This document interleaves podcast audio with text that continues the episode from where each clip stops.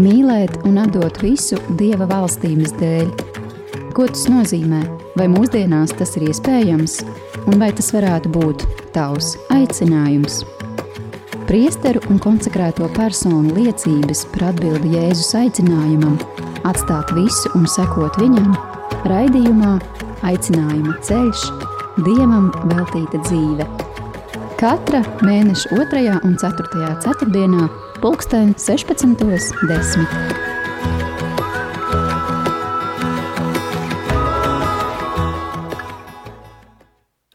Slavēts Jēzus Kristus, darbie rādījumi arī klausītāji, ar jums studijā māsa Gunta. Māsa Anna. Turpināsim iepazīties ar cilvēkiem, kuri atbildējuši Dieva aicinājumam pilnībā sekot viņam. Šodien mēs runāsim par priesteriem, kuri dzīvo kopienā un ir piederīgi kādai kongregācijai. Noskaidrosim, ar ko šis dzīvesveids atšķiras un uzzināsim, kurš un kā var pievienoties Marijāņu tēviem, kā arī pieskarsimies dažiem stereotipiem par priesteriem, kā piemēram, vai priesteris ir garlaicīgs, iespējams ar viduslaiku uzskatiem un dzīvo saskaņa pretrunā ar zinātni. Par to visu mēs runāsim ar mūsu šī raidījuma viesi tiešsaistes formātā. Daugavpils Jēzus sirds draudzes vikārs Marijāņu tēvs, priesteris Dmitrijs Artjomovs, ir dzimis Rīgā, studējis teoloģiju Ljubļinā, Varšavā un Romā. Par priesteri ordinēts 2008. gadā. Pabeidz doktorantūru studijas vēstures fakultātē Daugavpils universitātē, bet šobrīd ir doktorants teoloģijā Varšavā. Garīgajā seminārā pasniedz patroloģiju un ievadu garīgās dzīves teoloģijā. Priesteris saka, teoloģija manā skatījumā izsakoties vienkāršoti, tā ir filozofija, kurai, ir jau, kurai jautājums par Dievu ir atrisināts pateicoties ticības pieredzei. Priesteris ir aktīvs sociālo tīklu lietotājs, bieži publicējis katoļu baznīcas vēstnesī, kā arī ir izdevis grāmatu Ievads garīgās dzīves teoloģijā – Brīvajā laikā priesteris velta laiku arī vērtīgai literatūrai, dažreiz apmeklē teātru vai koncertus, šad un tad arī pasporto. Priesteris piebilst, piedienīgie prieki, kā jau priesterim pieklājas. Sveicināti priesteri! Dmitrī pie mums aicinā, raidījumā aicinājuma ceļš Dievam veltīta dzīve. Es sveicināti, slavēts Jēzus Kristus. Vai laikam var mani labi dzirdēt, vai ne? Šķiet, okay. ka jā. Mm -hmm. Priesteri, acīm redzams ir fakts, eh, noklausoties šo te jūsu dosjē, eh, ka jums ļoti patīk studēt, izglītoties, un eh, kas ir jūsu mīlestības atslēga uz zināšanām, un kāda loma izglītībai ir priestera kalpojumā? Ko jūs teiktu? Hmm.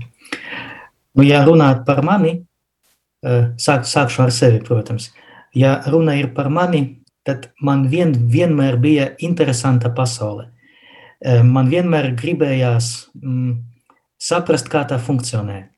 Eh, Kadreiz, kad es vēl mācījos skolā, netālu no manām mājām bija biblioteka, tagad tur ir Maksima, protams, bet kādreiz bija biblioteka, un eh, tiešām tur bija ļoti daudz vērtīgas literatūras, sākot ar fiziku, beidzot ar filoloģiju, un eh, tādas visvērtīgākās grāmatas priekš sevis arī es biju ņēmis un lasījis. Un līdz ar to um, man arī diezgan agri radās jautājums, vai gadījumā reliģiskais redzes punkts nav konfliktā ar zin, tā saucamo zinātnisko. Ja. Kādreiz Prāvis Mančinskis man bija uzdevinājis bībeli, es neatceros, kur viņa tagad ir, laikam mājās kaut kur Rīgā, un tur visās vietās, ir tīpaši vecē derība, kad es to lasīju, tur ir salikti jautājuma zīmes, saliktas jautājuma zīmes, jo es nesapratu, kāpēc ir tā. Ja, nu, piemēram, viens tāds moments – kāpēc sākumā tika radīti koki un pēc tam saule. Ja? Jo taču biolo, bioloģiski ņemot, tas ir otrādi funkcionē. Ja? Nav fotosintēze bez uh, saules. Un tādu momentu ir uh, diezgan daudz. Un tāpēc tas jau aizsākās vēl skolas gados, ja? bet uh, arī bija tā, ka es mācījos tikai to, kas man bija interesanti. Es nemācījos visu pēc kārtas. Ja? Un tas arī man palika. Ja? Arī seminārā pēc tam man bija pārtraukums studijās, tad studijas, pēc tam atkal pārtraukums, atkal studijas, un tā visu laiku es kaut ko mācos, un pēdējos gados tā arī pieņemu sev kā tādu, mm, tādu pamatu, bet tādu ikdienu, ka, ja man ir brīva diena, tad vismaz zinātniskais raksts būtu viens jāizlasa obligāti. Jā, jo viņi nav lieli, jā, tur desmit lapas kaut kādas, bet nu, vienkārši, lai lai būtu tādas fona zināšanas par visu, kas man, kas man interesē. Un tā arī turpinās, un ceru, ka turpināsies. līdz Al Alzheimeram vai līdz kaut kam citam. Parasti saka, ka izglītojoties tieši tas uh, mazina tādas tās, uh, nu, riskus Alzheimeriem, demencēm, jo visu laiku kaut ko nemitīgi apgūstot. Uz to arī cerība. Bet kā jūs, ko jūs teiktu par to, nu, kāda tad ir tāda izglītības nozīme uh, priesterim? Um, nu, pirmam kārtām um, man nāk prātā, uh, ka priesteris Antons Škapras kādreiz Kad es vēl, vēl biju kleriķis, viņš bija vēl jauns priesteris. Um, viņš man kādreiz nu, mēģināja tā, tā gudri kaut ko pastāstīt, un man teica, tā klausies. Tu zini, ka, kas jāsludina Dieva vārds, viņš man saka. Es saku, nu, pasakiet tev, Anton, kā. Un viņš saka, vienā rokā tev jābūt bībelei, otrā rokā jābūt avīzei. Jā, tagad vienkāršojot varētu pateikt, vienā rokā man jābūt bībelei, protams, otrā rokā telefons ar telegramu vai Eh, vai ziņu, atvērtu ziņu portālu. Ja? Un eh, nevar eh, sludināt pasaulē labo vēsti, ja tu nezini, kā šī pasaule funkcionē, ar ko tā dzīvo. Ja? Jo priekš manis ļoti skaidrs piemērs ir apustuļa Pāvila mēģinājums sludināt Areopagā. Ja? Jo tas ir man, mans iemīļotais fragments no mm, apustuļa darbiem, uh, apustulis Pāvils atnāk, es tagad ne, neatceros tos, tos parametrus, atnāk uz Areopāgu, sāk sludināt par Dievu, izējot no temata par uh, nezināmo Dievu, kuram tur bija altāris, un tajā brīdī, kad viņš sāk runāt par augšām celšanos, ja, tas griekiem, uh, balstoties uz viņu filozofijas idejām, tas ir muļķības, un viņi saka, nu tad mēs tevi paklausīsim citu reizi, ja, tā ņirgajoties par viņu. Jo viņš mēģināja sludināt tā, ka bija ierasts pie jūdiem, un tas, ka, kas jūdu kultūrā bija pieņemams, eh, tas nebija pieņemams griekiem. Ja? Un, un šeit ir viena no neveiksmēm. Ja? Viņš vienā rokā, runājot figurāli, turēja bībeli, bet otrajā rokā neturēja tā laika avīzi. Ja? Nezināja, eh, vai, vai varbūt nepievēr, ne, nepievērsa daudz uzmanības tam, um, ar ko dzīvoja grieķi. Ja? Kāds bija viņu, um, mm, kādas, kādas bija svarīgas idejas viņu dzīvē. Un līdz ar to nu, viņš, viņam neizdevās teiksim, tā evangelizācija. Un lasot to, pārdomājot to, es parasti izmantoju tādu iedzienu gremdēt Dieva vārdu. E, tad e, es arī atklāju priekš sevis, ka man jāzina, ar, ar ko dzīvo pasaule šodien. Un zinātne, zinātnes e, vai zinātniskais uzskats, tas ir viena no daļām, kuru, kuru vienkārši nevar ignorēt. Un tāpēc gan manā, gan arī uzskatu katra priestera dzīvē um, nemitīga mācīšana, studēšana, tas ir kaut kas, kam jākļūst par normu. Ja? Jo, nu, es negribu kritizēt, ne, bet, bet es to darīšu. Um, brīžiem gadās, ka, uh, vai teiksim tā, kādreiz, kā man stāstīja vecāka gājuma cilvēki, uh, man stāstīja tā, ja tu esi izmocījies, teiksim, par kaut kādu inženieru, Eh, un tu esi ticis darbā kaut kādā mm, rūpnīcā, tad bieži vien tev ar tām zināšanām pietika, nu, neteikšu, ka līdz pensijai, jā, bet uh, neve, ne, nebija nepieciešamības attīstīties, jā, apgūt jaunas zināšanas un tā tālāk. Mūsdienu pasaulē ir mazliet savādāk. Ja tu neattīsties, tad tu kā speciālists vienkārši izkriti no, uh, no, no, no savas specialitātes. Jā, pietiek uztaisīt pārtraukumu par, uz vienu gadu, uh, tāpat IT nozīmē, eh, nozarē, tad uzreiz nu, tev pēc tam daudz jāstrādā, lai apgūtu to, kas ir bijis. Un es varu pateikt, ka ar priesterību ir tāpat. Ja? Protams, eh, dogmas, eh, baznīcas tradīcija un tā tālāk, tas paliek tādas pašas, jā, bet tomēr pasaule diezgan strauji, daudz straujāk attīstās nekā iepriekšējos gadu desmitos. Un līdz ar to nu, ir nepieciešams izglītoties. Jā. Man, man vienmēr patika priestri, kuri uh, Eh, mācīja pastāstīt man par jaunām mašīnām vai par jauniem telefoniem. Tas jau liecina, ka viņi attīstās. Jo lasot kaut ko par telefonu, tu pierēzes palasīsi kaut ko arī par citām jaunām tehnoloģijām. Un tas ir brīnišķīgi.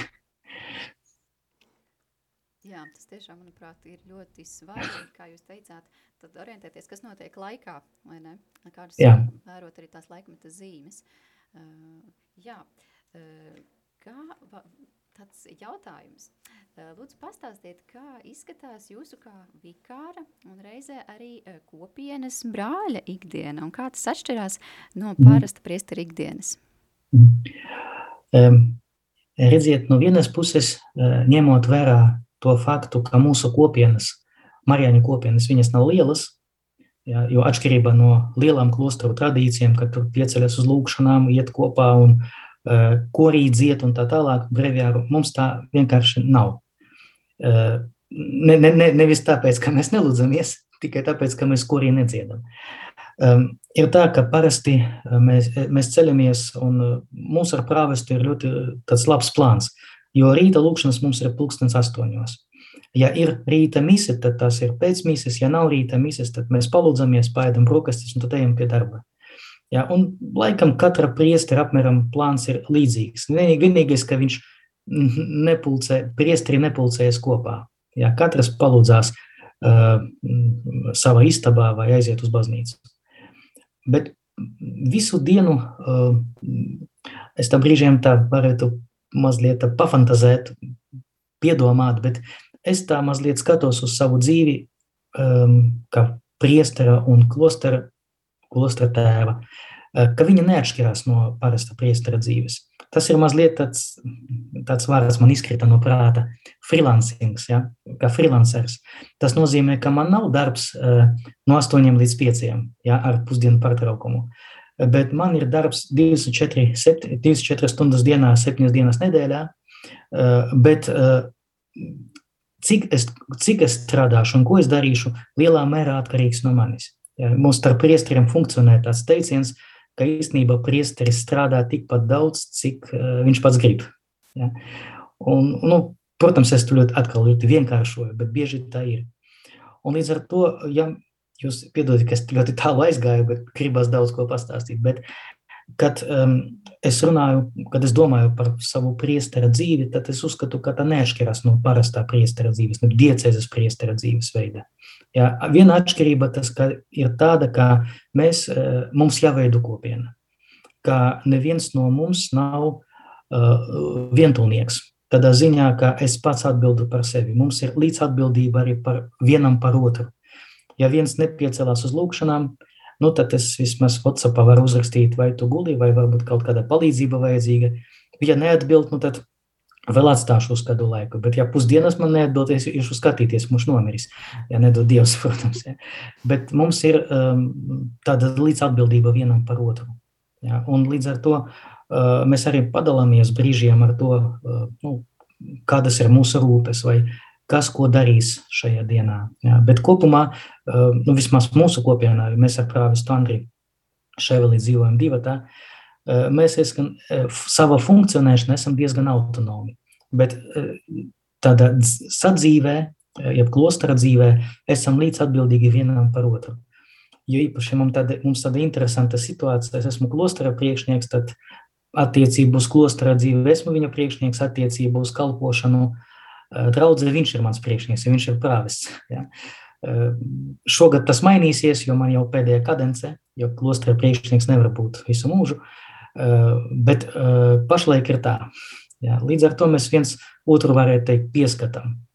Ja. Tāds balans. Zināmā mērā. Gatavojoties, varbūt vēl paturpinat. Jā. nē, nē, pietiek. Gatavojoties šim raidījumam, Katolis.lv atradu tādu ļoti interesantu interviju, kurā bija aprakstīts, kā priesteri Dmitriju Artjomovu Rīgā Kristus karaļa baznīcā ievedusi vecmāma, kura runādam Krievu valodā teikusi, ka abi ies uz baznīcu, bet mazais Dmitrijs esot sacirdējis, ka ies dedzināt ugunskurus, jo Krievu valodā kostjol līdzīgs vārdam kostjor. Kā šis notikums ar nesagaidītajiem ugunskariem baznīcā ietekmēja jūsu dzīvi un vai tam bija kaut kāds aizsākums jūsu aicinājuma ceļā? Jo, cik saprotu, tad redzētājs atstājis tik lielu iespaidu, ka pat bērnu dārzā tika izspēlēta svētā mise, kur draudzes locekļi ir bijuši pārējie bērni. Tā ir bijis gan, jo es atceros, ka vecmama vienu, es ļoti labi atceros, es biju vēl bērnu dārzā, Vecmama saka, iesim dedzināt, мы пойдем в костел, jā, mēs iesim uz baznīcu. A man vārds kastел, kastел, skaidrs, ka es nezināju šo iedzienu, tas, jo tas ir ņemts no poļu valodas. Es nezināju, protams, ka es interpretēju pa savam. Ar ugunskura man saistās ļoti tādas man mīļas bērnības atmiņas, jo tas ir sēdēšana pie līgu ugunskura, kaut kur laukos pie zilupes netālu. Un līdz ar to es tā padomāju, o, būs forši, ugunskurs visu, ugunskurs visu, ugunskurs visu nakti, būs um, patīkama pasēdēšana, kaut kas garšīgs. Nu, protams, es aizgāju. Jā, un uh, es arī nesapratu, kā tas notika. Es visu mīsi nosēdēju, mekl, gaidīdams šo ugunskuru, domāju, ka jāpagaida. Un pēc tam mēs braucam uz mājām. Un tad vecmama man saka stāstīt, kas tā ir baznīca un tā tālāk. Un, bet kas ir šis dīvains cilvēks, kas tur uzkāpa uz ambonas, jo Kristus karaļos kādreiz bija ambona, kuru novāca, jo viņa bija tāda bīdama. Eh, un eh, vienīgais, kas man nāk prātā, es jautāju, vai tas ir ķēniņš? Mm. Vecmama saka, jā, jā, tas ir ķēniņš. Un nezinu, kaut kā man tas iekrita visa, visas, visa šī darbība, ka es saku celebrēt, nu, celebrēt pēdiņās bērnu dārzā šo misiju, sapulcināju bērnus, jo es labi atceros, ka mums bija tāds kugītis, un pa vidu kugītim bija tāda tad, kā viņa krīviski viņa saucās rupka, ja, ka vajag uzkāpt augšā, un tas bija līdzīgs ambonai.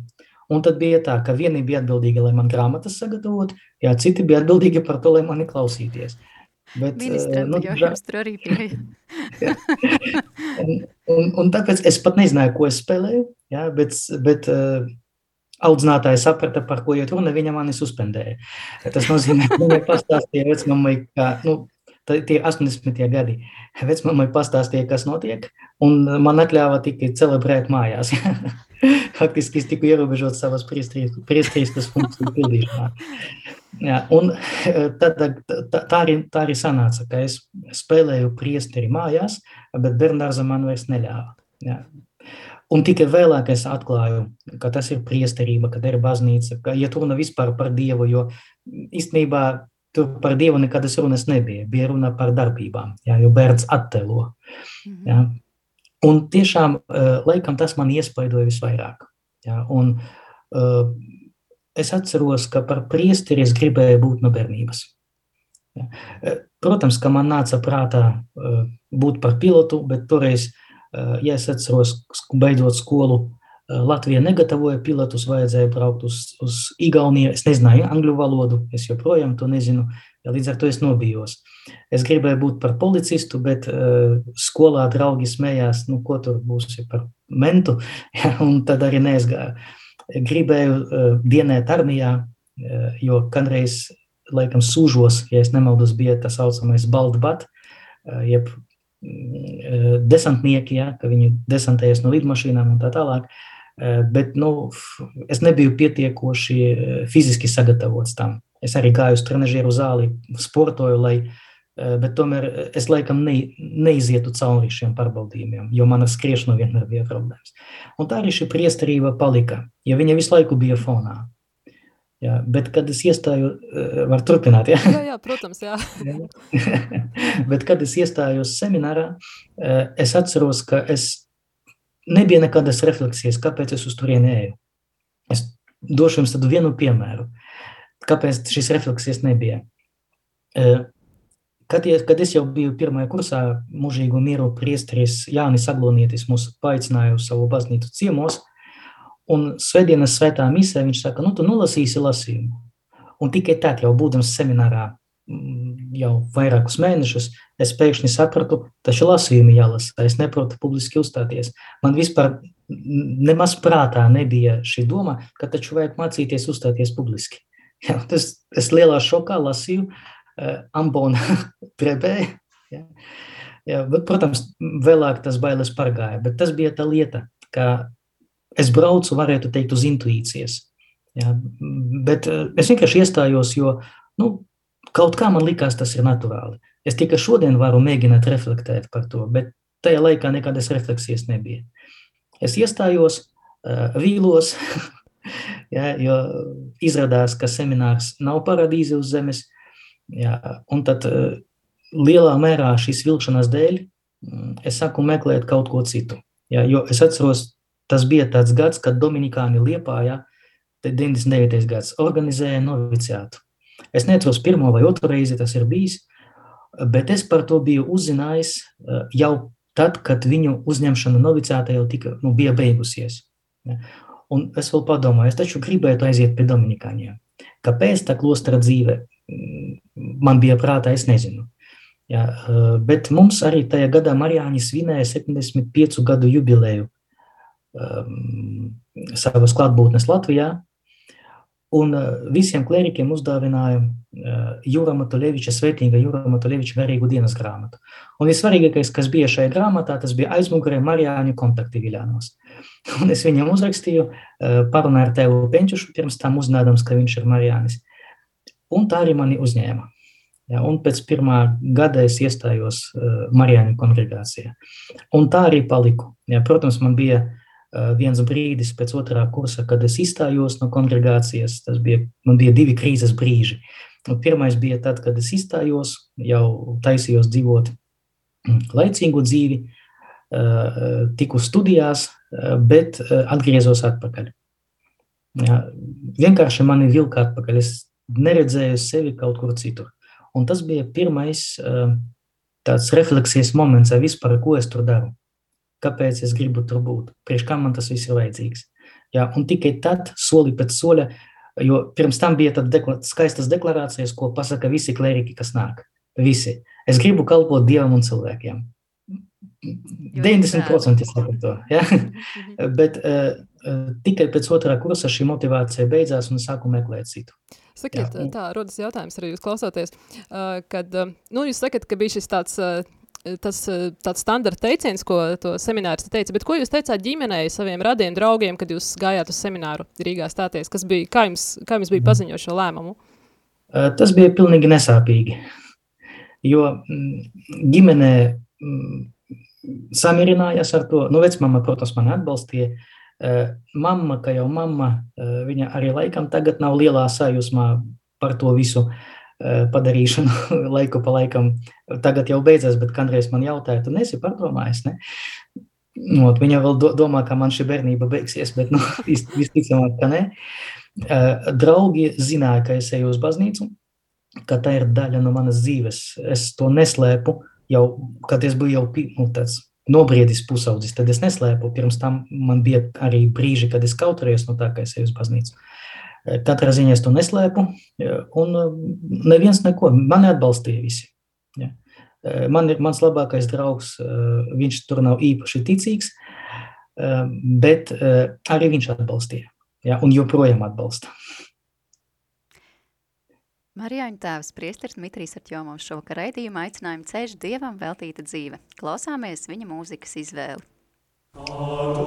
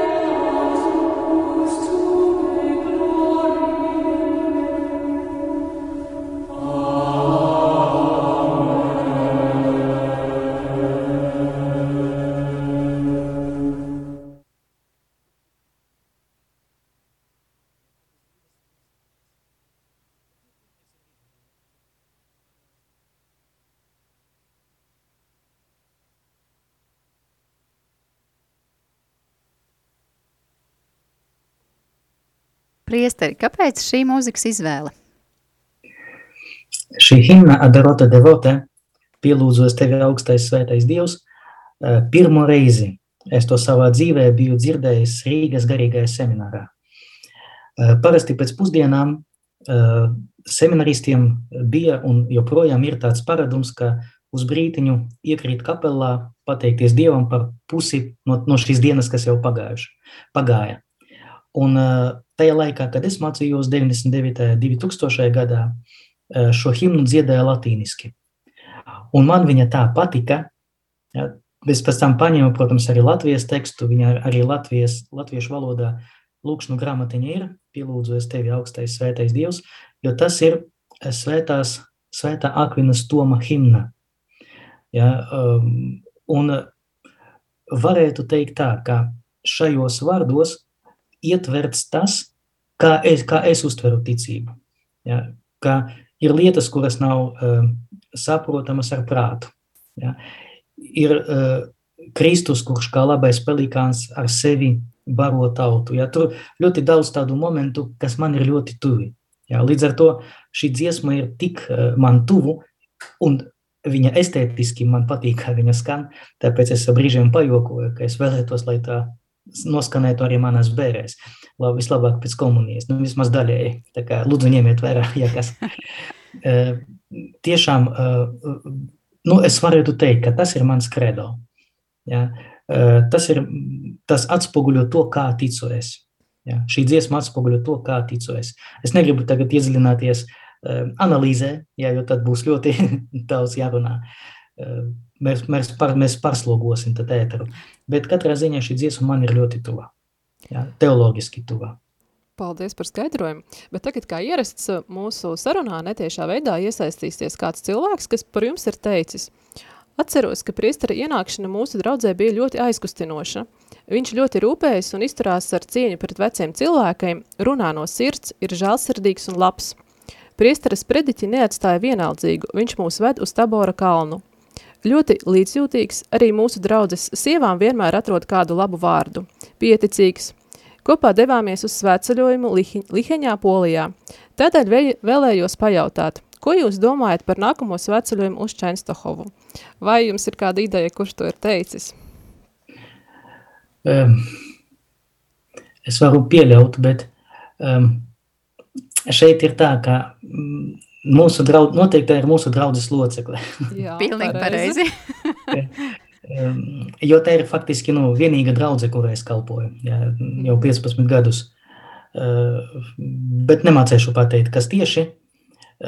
Bet šo sveceļojumu es atceros, jo tas bija pirmais, ko es savā dzīvē vispār organizēju. Tas bija brauciens uz Liheņu ar autobusu. Un vairāk es nekad tādas lietas neorganizēju, jo man, man pietika ar to nervozēšanu. Līdz ar to es nedomāju, ka es organizēšu vēl kaut ko, jā, jo mans darbības vektors mazliet uz citu pusi. Bet eh, man prieks, ka cilvēki atcerās joprojām. Jā. Eh, bet eh, laikam tie superlatīvi varētu nākt no mūsu poļu puses kaut kur. Jā, ļoti silti. Ja? Jo mums, mums ir specifiska draudze, kā prāves saka, trīs draudzes vienā, latviešu, krievu un poļu, eh, un tieši uz poļu pusi. Jā. Ja? Pateiksim jau priekšā, tā ir Līlijas kundze. Ah, nu jā, viņa vienmēr, viņa vienmēr sveic priesterus ar skaistiem vārdiem. Stāvi altara priekšā, uh, Grūts ir tavs darbs, to išpšel tažu ķenška tvoja prāca. Jāsīs, ka tiešām sarunā ar uh, Lilijas kundze bija nu, jaušams uh, tāda ļoti liela labvēlība, cieņa tāda pret priesteriem, tāda tiešām liela dievība. Mm. Uh -huh.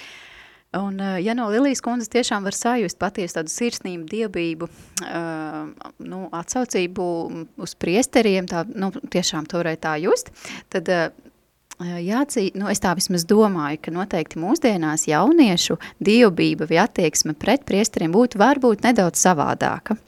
Mhm. Un, un īpaši tas kontrasts būtu redzams tur, kur ar baznīcu pavisam ir niecīgs vai pat nekādas saistības.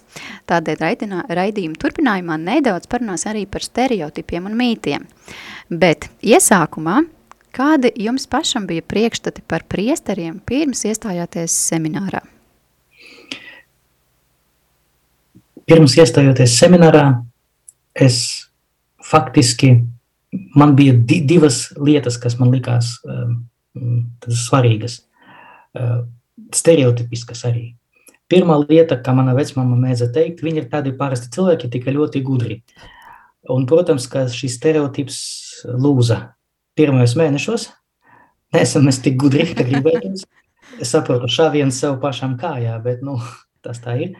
Un otra lieta, es tiešām biju pārliecināts, ka viņi ir ļoti svēti. Mm, jo es negribu saukt vārdos šos priesterus, um, jo ne par to jau runa, uh, bet bija daži priesteri, kuri atstāja uz maniem ļoti lielu iespaidu, tik lielu, ka es pat sev biju 11. klasē padomājis, ja es būšu priesteris gadījumā, es gribu būt kā viņš. Ja? Un, protams, kā jau paiet gadi, šie abi divi priesteri vairs nav uz zirga, eh, figurāli sakot. Ja? Eh, un tā pirmā vilšanās bija jau arī, kad es biju seminārā. Mēs esam tādi paši cilvēki un nemaz neesam gudrāki par citiem. Tas ir viena lieta. Un otra lieta, tā nemaz neesam svētāki tikai ceļā uz svētumu. Ceru. Ja. Tā, tie divi stereotipi tie, tie bija mani. Ja, protams, ka ir daudz arī citu. Ja.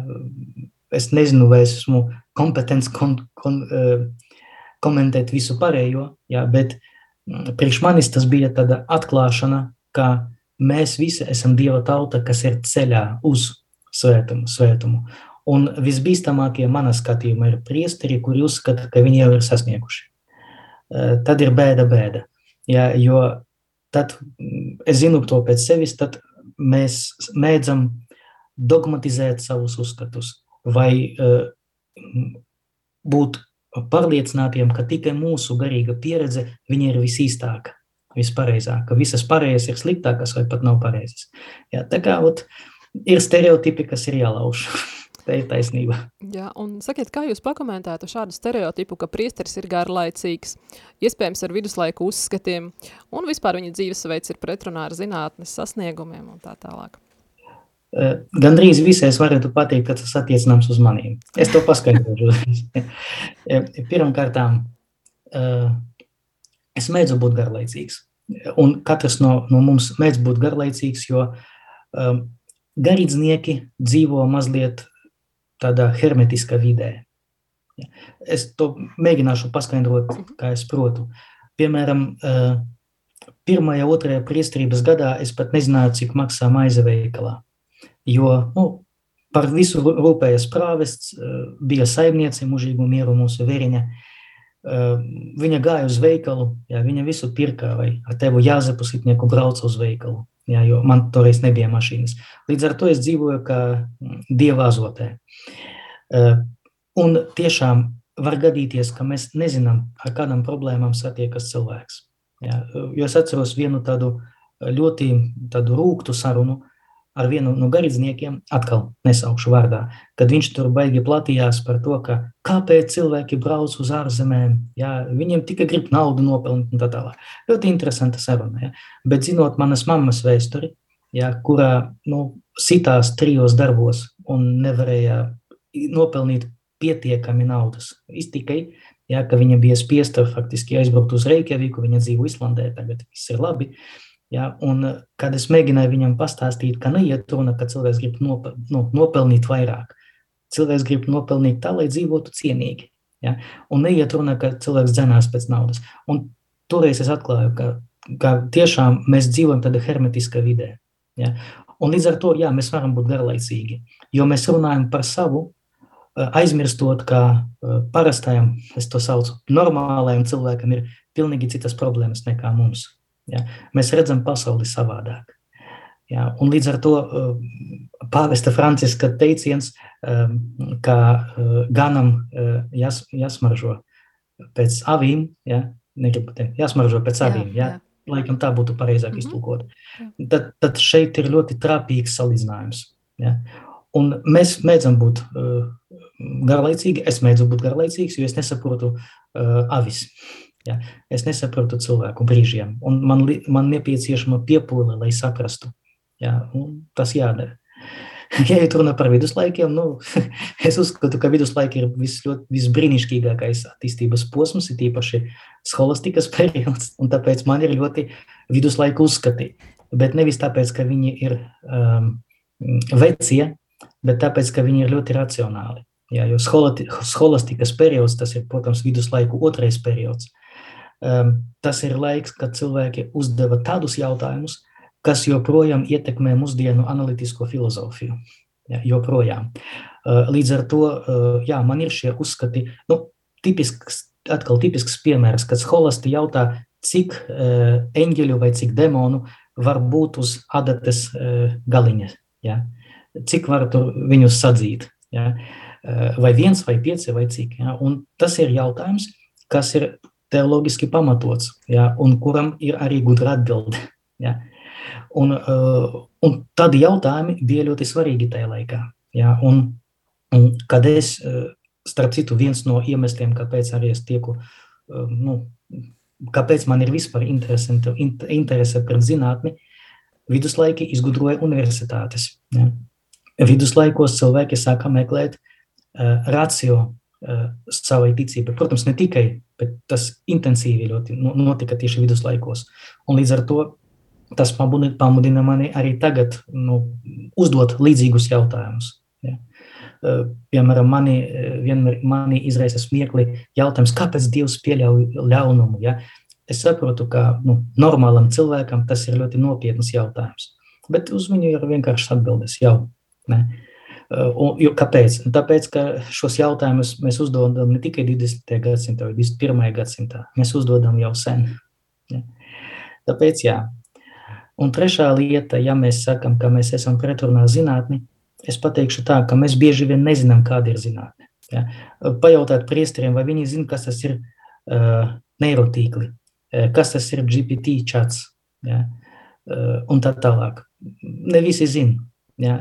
bet tas ir lietas, kuras, piemēram, man šodien ļoti pat, patīk. Ja? Ja tagad pirmais, ko es daru, ja es kaut ko vēlos uzzināt, tas pirmais ir GPT chats, un pēc tam tikai pārējās lietas, ja tur paskatos Wikipēdiju un tā tālāk.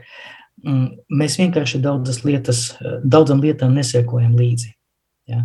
Uh, un otra lieta, ka mēs apmierināmies ar vienkāršām atbildēm uz grūtiem jautājumiem. Ja? Uh, vai nu pasakām, nu, tas ir ticības jautājums, mēs nevaram, at, mēs nevaram atbildēt, vai nu tāda ir dogma un nav ko tur meklēt. Ja? tipisks piemērs, par kuru mēs ar semināristiem runājam, jo eh, aizpagājušajā reizē lekcijās mums bija Svētais Augustīns, kurš faktiski ir uh, pirmgrēka uh, nodošanas koncepcijas autors, ja, kurā Latīņu baznīca tika dogmatizēta.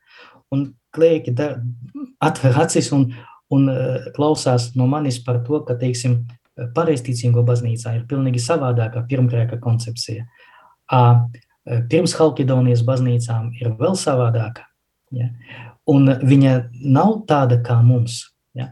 Un mēs arī nevaram pateikt, ka viņa ir stulbāka. Ne? Nē, viņa ir savādāka. Un tagad ar visu to pašu pirmgrēku nav jau tik vienkārši, kā mums likās. Ja? Ādams un Ieva sagrēkoja, un tagad, eh, un tagad mums ir slimības. Ja? Mēs ierobežojamies ar tām vienkāršām atbildēm, bet mēs nevaram to darīt. Ja? Bet, lai neierobežoties, ir nepieciešams mācīties. Ja? Un, lai uh, mācīties, ir jāiepazīst, jāiepazīstinās arī ar mūsdienu zinātnes sasniegumiem. Protams, ne ar visām. Ja? Nav neviena cilvēka, kurš būtu speciālists visās zinātnēs, bet no teologa, mm, manuprāt, šodien jāprasa, jāpieprasa pat, lai viņš būtu tāds, lai viņš orientētos mūsdienu nu, zinātnēs vismaz pavirši. Ja? Fizikā, matemātikā, bioloģijā, vēsturē, arheoloģijā, valodās un tā tālāk. Paldies par atbildi. Vēl vēlamies vēl pieskarties tādai, tādām jautājumam, kā aicinājumu skaits. Mūsu platuma grādos, kur mēs šeit dzīvojam, Eiropā, varbūt arī Ziemeļamerikā, baznīcā vairs nav tik bagāta ar šiem aicinājumiem atbildētajiem klosteru ļaudīm priesteriem. Un kā jūs uzskatāt, ar ko tas ir izskaidrojums? Vai tam ir kaut kāda saistība ar to, cik mēs paši esam uzticīgi konsekrētai dzīvei, kā mūsu svētsolījumiem? Kā, kā jūs skatāties uz šo jautājumu? Es domāju, ka mums nav jāglēmo sev, ka tieši no mūsu uzticības ir atkarīgs aicinājumu skaits. Tūlīt lidos akmeņi, saprotu, bet es tūlīt paskaidrošu, kāpēc es tā domāju. Es ticu, ka Dievs dod tik daudz, cik vajag. Kāpēc? Burtiski pāris dienas atpakaļ es tā lasīju par pēdējiem statistiskiem datiem. Vienkārši, nu, piemēram, ir tāds, tāds ļoti bies izdevums, ko izdod Vatikāns ik pēc pāris gadiem, Summorum Pontificium, kur parasti tiek atzīmēti, nu, faktiski visi dati apkopoti par baznīcu. Ja. Un, ja mēs paskatīsimies tagad uz šiem datiem, tad tagad pasaulē ir 1,3 miljārdi cilvēku, un katoļu, tieši, tieši Romas katoļu skaits pieaug. Ne, ne tikai Romas, bet katoļu skaits. Jā, tas ir 17% pāri no visiem cilvēkiem pasaulē. Ja. Un, un jā, garīdznieku un klosteru ļaužu skaits kritās, tā ir taisnība. Ja. Bet, ja mēs mēģināsim paskatīties, teiksim, uz Latvijas realitāti, atkal ļoti iesaku, ir tāds, tāda saite Catholic Hierarchy, org, ja es nemaldos. Ja, vienkārši var ierakstīt Catholic Hierarchy un Google atradīsiet. Tur ir dati par visiem pasaules bīskapiem, un arī par visām diecēzēm. Un es te pāris dienas atpakaļ, vēl e, negatavojoties interviju tikai priekš sevis, es salīdzināju vienu lietu. Paņemsim Latgales diecēzi un Rīgas diecēzi. 2000. gadā e, Latgales diecēzē bija 2,2 tūkstoši prie, e, ticīgu uz vienu priesteri. Ja? ja mēs paskatīsimies šodien, ja, tad šodien 1,3 tūkstoši ticīgu uz vienu priesteri. Bet uh, 2000. gadā bija 52 priesteri Latgalē, tagad 62. Vai mums ir Latgalē trūkums? Protams, es saprotu, ka ir vecie priesteri, ir dažādi priesteri. Runāt par statistiku, tas ka ir tāpat, kā runāt par vidējo temperatūru slimnīcā. Jā. Bet kopumā uh, priesteru, uh, kuri kalpo ticīgiem, ir pietiekami, vismaz Latgalē. Ja mēs paņemsim Rīgas diecēzi, tad atkal 4,8 tūkstoši ticību uz vienu priesteri bija 2000. gadā, bet 2021. bija 3,5 tūkstoši. Jā, Rīgā mēs varam runāt par zināmu trūkumu. Jā, bet um, ņemot vērā šo tendenci, ka ticīgo skaits vai praktizējošo cilvēku skaits kritās, man rodas jautājums, vai baznīca būs spējīga uzturēt tik daudz priesteru un klosteru ļaužu nākotnē. Un tāpēc mana tēze ir tāda, protams, es to nevaru ne apstiprināt mm, tagad, ja mēs tikai varam skatīties no perspektīvas. Es nevaru teikt, ka mums ir um, uh, aicinājumu trūkums. Ja? Drīzāk es pateiktu, ka Dievs dod tiešām tik daudz, cik vajag, uh, bet mūsu uh, pienākums ir saglabāt to, kas ir. Ja? Protams, mēs esam priecīgi par katru, kas nāk. Ja? Bet mm, vai tikai no mūsu ticības, vai tikai no mūsu uh, uzvedības, vai tikai no mūsu uzticības tas ir atkarīgs, mm, nezinu. Ja? Jo ir kongregācijas, kuras ir ļoti dievbijīgas, bet viņas mirst. Ja? Jo tāpēc, ka savu nokalpoja. Ja? Nu, tāds piemērs, es, kad studēju Romā, saprotu, ka laika nav tas, bet, nu, kad es studēju Romā, bija klostermāsas, kas vadīja pansionātu meitenēm, un tagad klostermāsas ir spiestas slēgt šo klosteri, ja, šo, šo pansionātu, jo mā, māsu trūkums. Ir Betānijas māsas, kas iet projām no Latvijas, ja, jo viņi ir mazāk. Varbūt tāpēc, ka jau nu, nāks vietā citi, ja, vai varbūt tāpēc, ka vairs šīs harizmāts nav vajadzīgs šajā laikā, šajā telpā. Tā kā šeit ir atbildē nav tik vienkārša. Ja. Tas ir pienākums būt uzticīgiem, neapšaubāmi. Bet vai tas ietekmēs aicinājumu skaitu? Nezinu. Lielas paldies par šo ļoti interesanto skatījumu un atbildi. Tuvojās jau raidījuma noslēgums. Kā jūs iedrošinātu jauniešus, kuros rosās domas par priesterību vai dzīvi kopienā? Kā lai pasaka, lai neatbaidītu. Bet, nu, jābūt godīgam, vai ne? Jā. Es pateikšu tā. Ja jūs tiešām vēlaties ne tikai darīt kaut ko iedzīgu, bet arī kaut kādā bezjēdzīgā vidē atrast jēgu un to, un to attīstīt, tad klostera dzīve tā ir tā vieta, kur ir jābūt, kur šo, šo lietu var realizēt. Protams, tas ir arī jaut, aicinājuma jautājums, par to mēs jau neparunāsim, bet noteikti, ja jūs meklējat iedzīgāku, iedzīgu dzīvi, tad klosteris vai priesterība, tā ir tā vieta, kur to varētu iztenot. Es došu vienkāršu piemēru. Man ir draugs Harkovā, kurš man naktī, pagājušajā gada naktī uz 24. 24. 25. februāri uzraksties pamodos no šavieniem. Un mēs runājam ar viņu, sazināmies jau veselu gadu, ja, nu neteikšu, ka katru dienu, bet katru nedēļu noteikti, un viņš man, manī apstiprina šo pārliecību, ka viņš paliek ar cilvēkiem, kuri ir um, bezjēdzīga kara epicentrā, un palīdz viņam saglabāt veselīgu saprātu, palīdz viņam saglabāt ticību, palīdz viņam saglabāt um, šo jēgas sajūtu šajā šķietami bez, bezizējas stāvoklī. Jā, protams, Harkova tagad nav aplenktā, bet tieši pirmajos mēnešos bija traki. Jā. Mēs esam šajā pasaulē, nu man nepatīk militaristiskā terminoloģija, bet nu lai paliek. Mēs esam šajā pasaulē kā karā epicentrā. Jā, un līdz ar to, uh, ja nu ne priesteris, ne klostera māsa, klostera brālis, tad kas palīdzēs parastam cilvēkam, normālam cilvēkam, eh, meklēt jēgu un atrodot to, saglabāt to? Tikai mēs. Ja? Un mēs esam aicināti sekot Kristum, Kristum radikāli, radikālāk nekā parastais kristietis. Ja? Tas nav tikai nu, lepošanas moments. Ne? Un tāpēc, ja jūs vēlaties darīt kaut ko iedzīgu, lūdzu, mūsu durvis ir vaļā, nāciet! Paldies, Priesteri Dimitri, par šo ļoti interesanto sarunu. Noteikti ļoti daudz ko arī neizrunājām, ko būtu vēl vēlējušies mēs teikt, un jūs, bet vēlam Dieva svētību jūsu kalpošanā, draudzes dzīvē un veiksmi arī doktorantūras studijās. Paldies, Paldies. arī. Paldies tiešām. Paldies arī tev, dārgais rādījumā arī Latvija klausītāji, ka bija kopā ar mums, lai Dievs dod spēku mūsu centienos pieaugt garīgajā dzīvē un tuvoties Kristum ikdienā. Raidījumu veidoja māsa Gunta un māsa Anna, lai mums visiem svētīgs ceturtdienas vakars uz tikšanos pēc divām nedēļām, un raidījuma beigās izskanēs priestara izvēlētā dziesma. Izskanēja raidījums Aicinājuma ceļš, Dievam veltīta dzīve.